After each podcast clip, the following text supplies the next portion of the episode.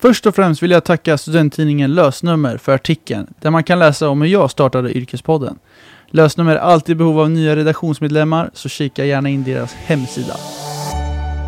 I detta avsnitt träffar jag en retoriker slash föreläsare som heter Pontus Kristoffersen. Han jobbar på byrån Snacka Snyggt som den kända Elaine Eksvärd driver. Pontus pratar om sin utbildning inom retorik och hur upplägget för linjen ser ut. Han pratar också om vilka personlighetstyper det finns. Är du en grön person eller är du en röd person? Pontus berättar allt i podcasten. Och glöm inte att prenumerera samt ge betyg i appen. Nu kör vi!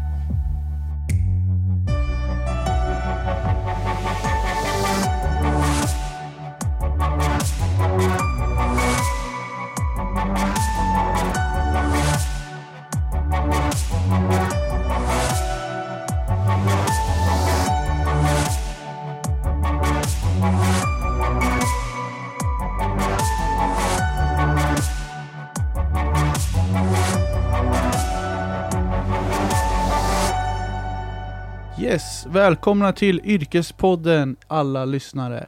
I dagens avsnitt så har jag med en retorikkonsult som heter Pontus Kristoffersen. Välkommen! Tack så mycket. Hur känns det att vara med på Yrkespodden? Det känns skitkul. Jag har ju själv mina rötter här från universitetet så det är jäkligt kul att vara tillbaka och bara känna igen sig i miljön. Kul att du kunde ställa upp. Eh, du ska först bara få förklara eller berätta, vem är Pontus?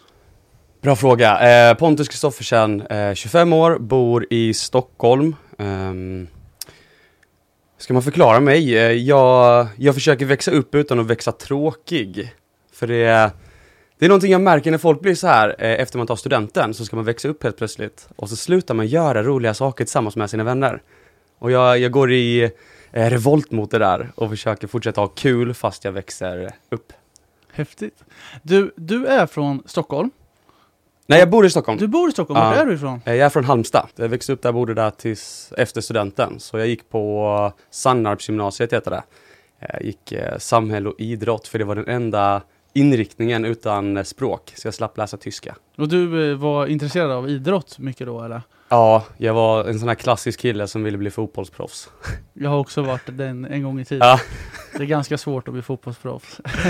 Man fick djup efter ett tag. Men eh, okej, men berätta lite. Du är ju eh, utbildad inom retorik. Och Yes. då valde du att gå på Örebro universitet. Mm. Varför då? Alltså grejen var att jag alltid sagt att jag vill inte läsa någonting som ger mig ett tråkigt jobb och ifall plugget är tråkigt så kommer jobbet vara tråkigt. Det har alltid varit så jag har tänkt. Och när jag började läsa, eller så här, när jag tog studenten flyttade jag upp till Göteborg och jobbade där ett år. Och sen um, känner man, nej jag vill plugga men jag vet inte vad finns det ens för möjligheter. Så jag, jag beställde hem vartenda katalog som fanns från varenda högskola och universitet i Sverige och läste igenom alla utbildningar. Och eh, väldigt snabbt så blev det tydligt att det fanns fyra olika retorikutbildningar och det var bara de jag var intresserad av. Eh, så de hade olika inriktningar och i Örebro var det kommunikativt ledarskap, vilket var helt i linje med vad jag ville jobba med. Så det blev självklart utifrån det. Jag hade ingen aning om vad Örebro var för stad, hade ingen aning om något som hade med Örebro att göra. Men jag tänkte, jag måste satsa på den här utbildningen. Så då tog du ditt pick och pack och drog till Örebro. Yes. Hur gammal var du när du började plugga? 19. Okej, du är vä- väldigt ungt för att börja plugga skulle jag säga. Ja, det var så här, jag, jag tog studenten ett år tidigare. Jag började plugga ett år tidigare från början. Så jag hann jobba ett år, men sen började jag plugga direkt då efter första året i Göteborg. Så det var så här, det var kul när man kom hit och skulle, skulle nollas och så kunde man inte köpa sin egna alkohol. ja, just det. Det löste sig. Ja, det löste sig precis. Men berätta om den här utbildningen. Är det, hur många år är det? Det är tre år. Ehm, första året så, man börjar med en kurs i retorik A, eller retorik grundkurs tror jag det heter nu. Den är väldigt praktisk, du håller ett tal varje vecka, du har en eh, inlämning varje vecka och sen så gör du även en reflektion på talet du håller.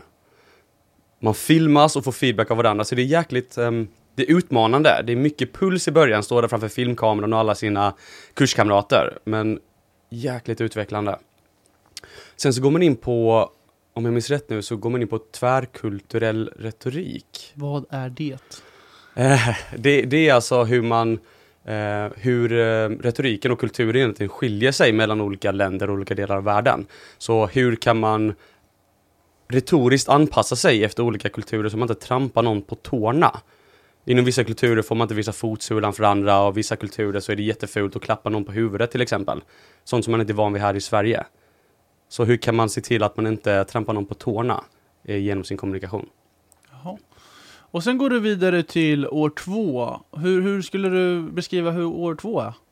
Ska jag vara helt ärlig så år två tyckte jag var ganska tråkigt. För när du går retorik två, eller fortsättningskursen, så det är mycket historia. Du ska lära dig så här eh, Aristoteles hade Platon som lärare och Platon hade Sokrates som lärare. Eh, vilka av eh, retorikerna kommer från eh, Italien, vilka kommer från Grekland och så måste man lära sig massa latin och grekiska för att kunna de här termerna.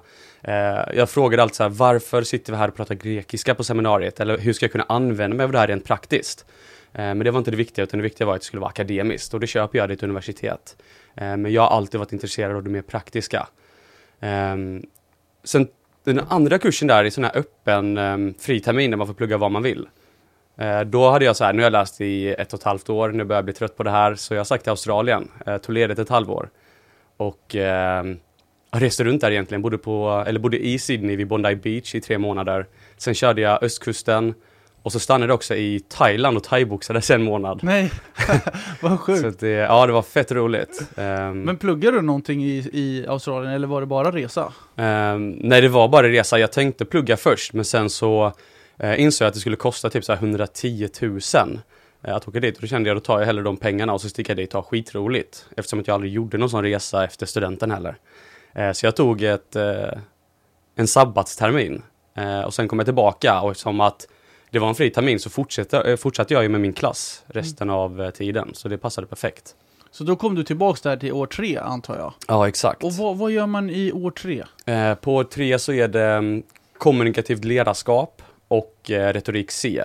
Så man kan säga kommunikativt ledarskap, då applicerar du allt det här eh, retoriska, alla de här teorierna på mer hur, hur använder man det här i en organisation? Så om du är chef och vill eh, kommunicera på ett bra sätt till dina medarbetare, hur gör man det? Och hur fungerar ledarskapet rent kommunikativt? Men skriver ni någon uppsats om det här då, antar jag? Eller? Hur går det till? Eh, I kommunikativt ledarskap så gjorde man eh, en fältstudie, så då var man på en arbetsplats och så analyserade man en chef där och hur han kommunicerade med sina medarbetare. Och sen så skrev vi en, jag kommer inte ihåg vad det heter, men typ som en uppsats på kanske 20 sidor om det där. Um, och sen är det då i retorik C så är det ju en eh, C-uppsats som i alla C-kurser. Du, eh, när vi är inne lite på studietiden här så ska du få berätta, för eh, studietiden är ju kanske inte en dans på rosor. Det är ganska tufft, det är mycket tentor och det är mycket eh, inlämningsuppgifter. Allt möjligt. Hur, hur gick det för dig i studietiderna? Alltså, det gick bra för mig. Jag har alltid varit eh, en stökig elev. Det var jag liksom från att jag var skitliten. Um, och det har egentligen grundat sig i att jag fattade inte värdet av att veta från början då varför Um, varför ska jag veta vilken kung som bestämmer på 1600-talet eller vilka byggstenar som skapar en atom? Och när läraren inte kunde förklara det för mig så snackade jag hellre med mina polare. Uh, och det var lite samma här, att när jag inte tyckte det var intressant så, så slutade jag lyssna i princip. Men um, det gick bra för mig. Jag klarade allting. Um, fick till och med VG på några grejer. Uh, så det var roligt. Um, men jag tror många såg mig framförallt tidigare som en väldigt stökig kille. Jag har alltid varit dekadent och vill maxa allting. Så jag festade mycket. Som student kunde jag festa upp till tre gånger i veckan utan problem. eh, så jag tror folk blev sura på mig när jag kunde festa. Du har varit här på kårhuset några gånger antar jag? Skojar du eller? För alla som inte vet så är kårhuset det här nattklubben här på Örebro universitet. Ja. Jag till och med varit med och drivit den. Jaha, okej. Okay. Så att det, ja, jag var mycket involverad i all form av studentliv, framförallt allt som hade med fester att göra. Det var det jag tyckte var kul. Men det känns som att folk som kommer utifrån stan, eh, vad jag, jag som är från stan, från Örebro, märker att de som kommer utifrån blir väldigt, väldigt involverade i just sådana här SESAM som är eh, studie, vad ska man säga, studie... Alltså sektioner, Precis. det är ju som sektioner så här och som humaniora en sektion som heter Korax och SESAM är ju ekonomernas. Precis. Um, ja, det är nog sant faktiskt att det är de som kommer utifrån Örebro som blir det. Och det är väl för att man, man vill lära känna folk. Man har ju inga vänner här. Så då, eh, det var i alla fall min, eh, min lösning. Att jag alltid tyckte om att involvera mig, lära känna nya människor. Eh, och då är universitetet perfekt. Framförallt eh, Örebro skulle jag säga, eller de här städerna som inte är storstäder. För flyttar du till Stockholm eller Göteborg så är det så många från Stockholm och Göteborg som är där att de inte blir så engagerade. Men flyttar du till Örebro så är majoriteten från någon annanstans. Vilket gör att du lär känna mycket nya människor och folk är taggade på att lära känna nya människor. Eh, Du ska faktiskt få be berätta, vad, när du tog examen, eh, fick du jobb direkt då? Eller hur, hur, hur gick det till efter, efter universitetsexamen? Ja, alltså min sån resa var ganska stökig faktiskt. För jag, ehm, när jag var där i Australien eh, så, så fick jag ett samtal som var jäkligt hemskt. Ehm, det var en nära vän till mig som gick här på universitetet som, som dog. Ehm, och ehm, det tog jäkligt hårt på mig och så här. Ehm, så det slutade med att eh, jag eh, så här, gick in i väggen och blev deprimerad. Så för det första så var det jobbigt när jag skrev C-uppsatsen. Men det gjorde också att direkt efter C-uppsatsen så blev jag sjukskriven. Eh, så jag var sjukskriven ett par månader. Och eh, sen så sökte jag jobb här på universitetet faktiskt. Och det var så vi träffades. Exakt. Och det var, var det då du började jobba med den här kursen? Eh, exakt, exakt. Så det var det är ett idéutvecklingsprogram som vi eh, jobbade fram här. Eh, där studenter då får en möjlighet att lära sig en kreativ process. Eh, och det var ett sätt för universitetet att eh, minska avståndet mellan studenter och eh, eh, samhället kan man väl säga, de olika företagen. Så de kom in med ett case här, vi behöver hjälp att lösa det här. Och då satte vi ihop Eh, ett team med, studenter då som pluggade olika saker. Så en ekonom, en jurist, en sjuksköterska och en lärare. Och så gick de igenom ett eh, tio veckors program där de fick lära sig fem steg i idéutveckling. Det var riktigt roligt och det är ju skitkul för detta är ju faktiskt ett resultat ifrån det programmet. Precis, det var så Yrkespodden startade och då, det var jag som tog fram det här eh, via den här kursen då, entreprenörskap, affärsutveckling och idé. Eh, och det var ju superkul och du var ju lärare, kan man säga det?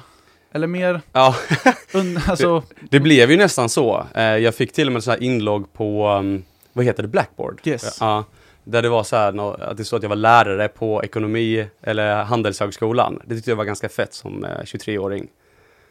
det är bra. Ja. Men idag så jobbar du som retorikkonsult. Yes. Berätta mer. Um, retorikkonsult är egentligen att vi, um, jag utbildar grupper eller tränar människor individuellt i olika kommunikativa strategier. Framförallt så handlar det om eh, presentationsteknik, eh, pitchretorik, alltså säljretorik, härskartekniker, hur man bemöter besvärliga typer på ett snyggt sätt och eh, medieträning, där vi bygger upp ett eh, retoriskt självförsvar så man kan parera frågefällor och se till att det budskapet jag vill få förmedlat i medier är det som faktiskt förmedlas också. Och hur eh, gör ni då? Då är det mycket föreläsningar antar jag? Ja, precis. Antingen så är det, eller föreläsning är nog det jag gör minst egentligen. Eh, om man ser det som att vi kallar föreläsningar när det är upp till två timmar. Sen blir det workshop, då är det en halv dag. Och sen är det kurs, antingen en dag eller två dagar. Eh, jag skulle säga att halvdagar, alltså workshops, eller två dagar är det jag gör absolut mest. Och, åker du ut till företag då, eller är det till privatpersoner också? Eller hur funkar det? Ja, det är både, framförallt är det företag. Man åker ut, man gör ett skräddarsytt upplägg utefter ett företags behov. Eh, åker ut dit och kör upplägget med dem. Eh, ibland är det privatpersoner. Eh, väldigt sällan, för det är så pass dyrt ändå. Ehm, men sen så har vi öppna kurser också, att vi bjuder in till två kurser och så anmäler man sig en och en och så går man då kursen hos oss. Vad heter företaget då? Snacka snyggt heter vi. Okej. Lär man sig snacka snyggt då? Man lär sig snacka snyggt, det är hela poängen. Gött. Berätta mer om det företaget. Eh, Snacka snyggt startades 2010 tror jag det var av eh, Elaine Eksvärd och Gustav Eksvärd. Ehm, och man kan väl säga att Elaine Eksvärd är den eh, största retorikern i Sverige. Eh, hon har skrivit en bok som också heter Snacka snyggt. Den har jag faktiskt läst. Ja, tyckte du om den? Den tyckte jag var jättebra. Ja. Den, ehm, den brukar jag alltid rekommendera folk att köpa. Um, och det är för att eh, jag fick ett samtal för ungefär ett år sedan av en vän som också läste här på universitetet. Jobbar nere i Malmö nu och hon sa att hon köpte den här boken inför en viktig presentation på jobbet. Eh, och använde allting och lärde sig därifrån. Eh, och höll den här presentationen och den togs emot så bra så att hon får åka runt till olika kontor i Sverige och kolla presentationen. Häftigt. Ja, skitroligt. Så hon, hon, är, hon är chefen liksom för dig? Eller hon, eh, vad gör hon då? Ja, precis. Man kan väl säga att Gustav då, hennes man, är den operativa chefen och eh, Elaine är, ja, hon är ju ansvarig för utbildningarna kan man säga och oss konsulter. Ehm, jobbar inte jättemycket med henne eftersom att hon är fullbokad. Hon åker runt eh, om i landet hela tiden. Men hon är väl ganska mycket på TV4 Nyhetsmorgon ibland också, eller? Ja, exakt. Eh, var tredje vecka tror jag det är hon är där och kör olika, eh, Fixa vardagssnacket heter det ju. Eh, kör om tio minuter där var tredje vecka. Det är ju riktigt bra. Men, men varför är det så viktigt att vi människor ska lära oss retorik då? Alltså man kan säga så här att kollar du på hur affärsklimatet ser ut just nu så har det gått från de här eh, starka maktpyramiderna och hierarkiska beslutsprocesser till att vara mer förhandlingsfyllda organisationer, mer platta organisationer. Och makten ligger inte längre bara i vår företagstitel utan i vår förhandlingsteknik. Kollar man i politiken så ser man att det inte är lika mycket ideologin i de olika partierna som förändras, utan snarare så är det så att de olika partiledarnas prestationer, alltså retoriska prestationer i debatter, eh, tal, intervjuer, det är det som får oss att byta parti. Vilket är varför man kan se stora höjningar och sänkningar i eh, mätningarna när, någon, när något parti byter partiledare. Så retorik är en sån stor del av vår vardag att jag tycker absolut att det borde lära sig ut redan i grundskolan. Tror du att folk eh, behöver få mer information om retorik i dagens samhälle? Eller tror du att eh, det behövs mindre? Mer. Mer. 100% mer.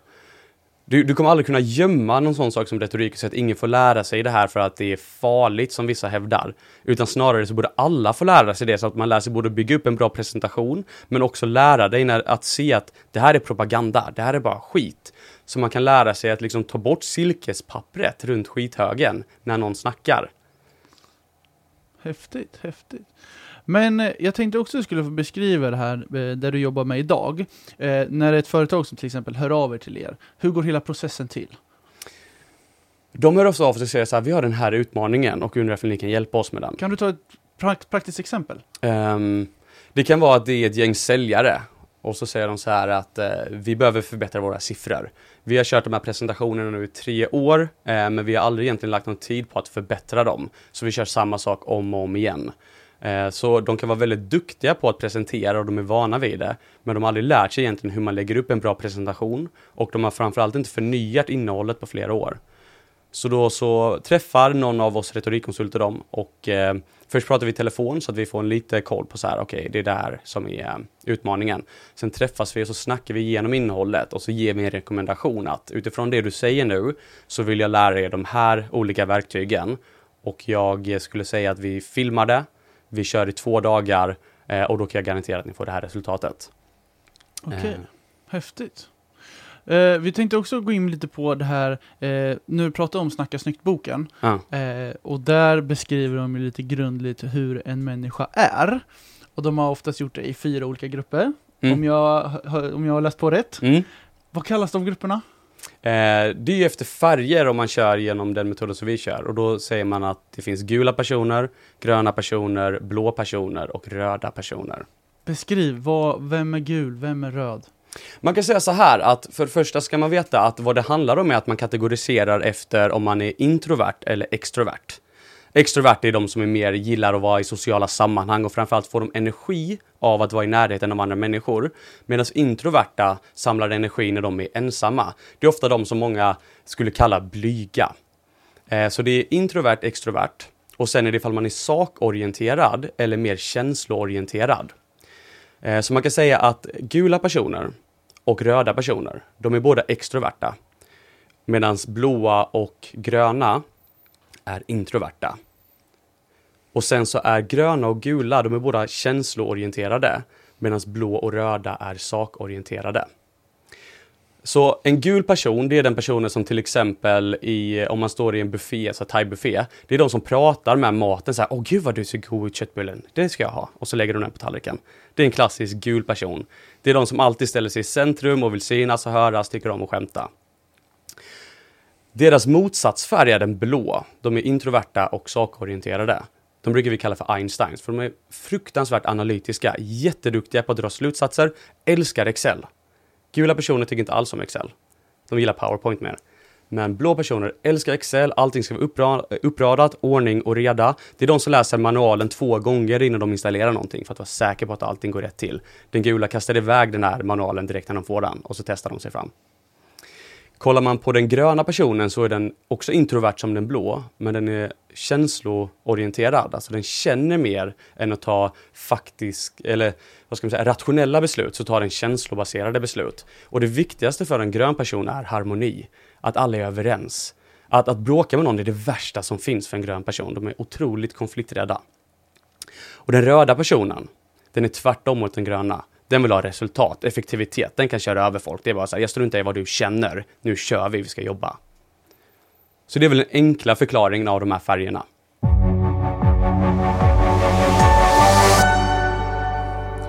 Okej, nej men eh, häftigt att få reda på sånt här, för jag tror att det är mycket folk som inte riktigt vet, och jag tror att många lyssnare känner igen sig nu, att det är såhär, okej, okay, jag känner en röd person.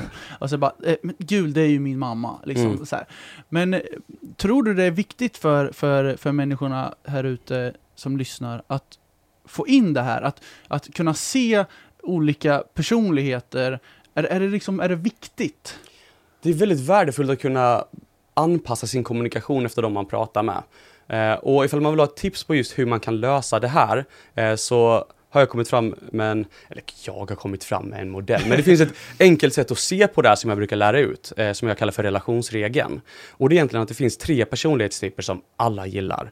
Det spelar ingen roll vem du är, vart du kommer ifrån eller vart du ska. Det finns tre personer som du gillar.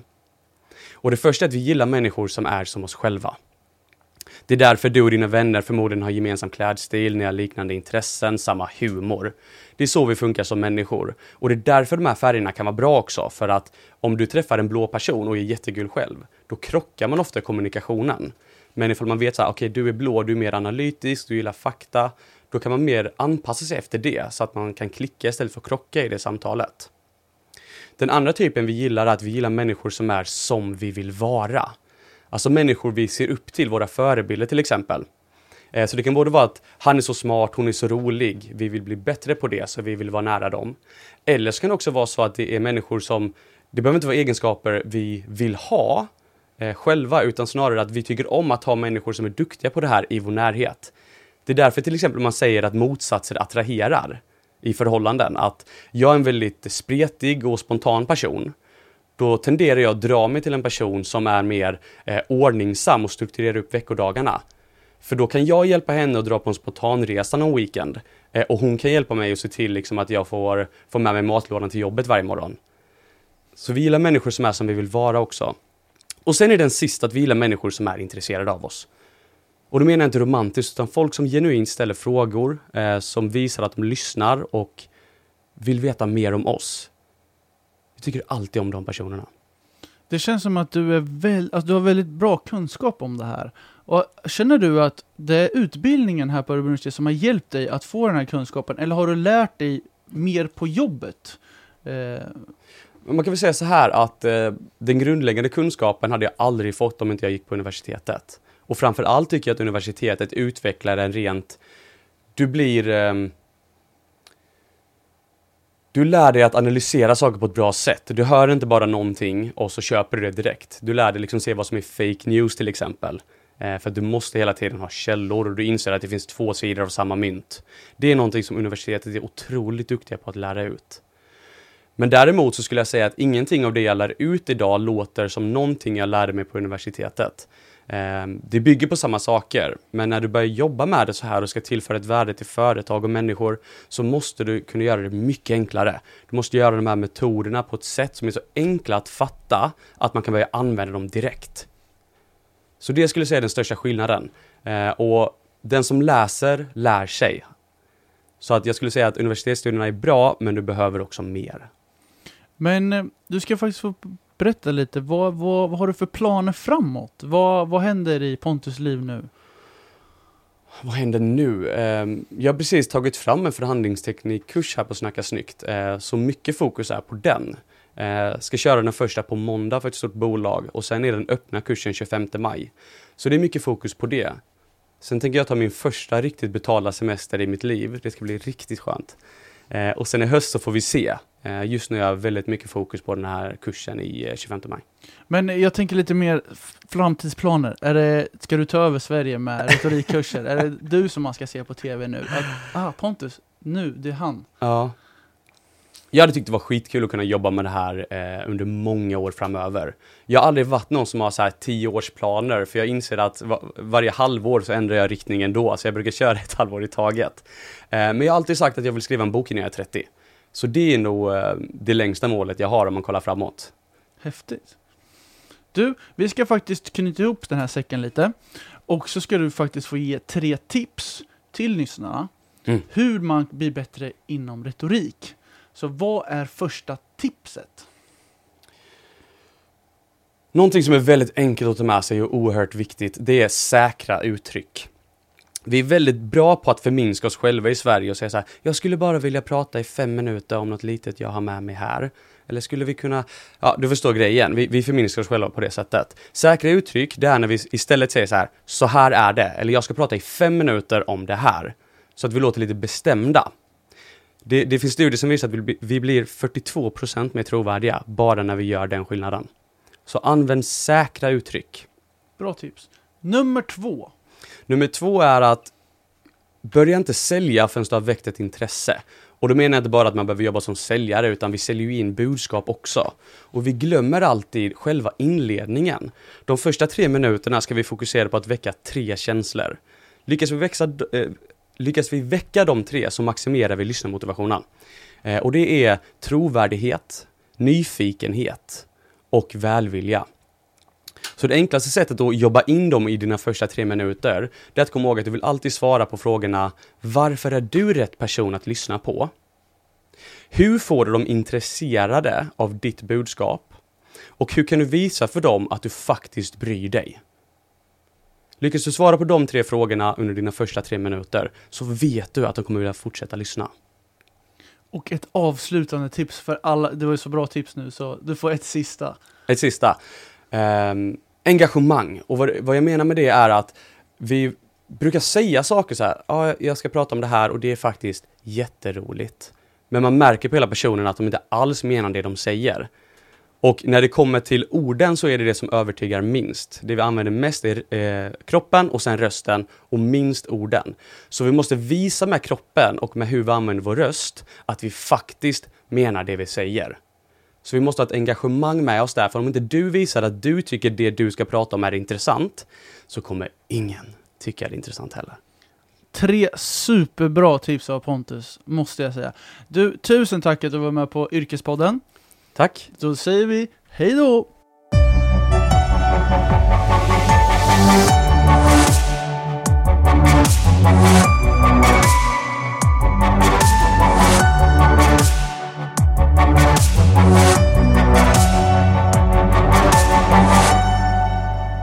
Stort tack alla lyssnare där ute för att ni lyssnar på Yrkespodden.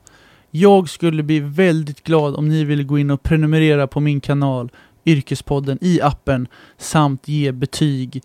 Det skulle jag uppskatta stort. Och återigen, stort tack till min högra hand, Carl Bergholtz, som är min ljudtekniker. Tack!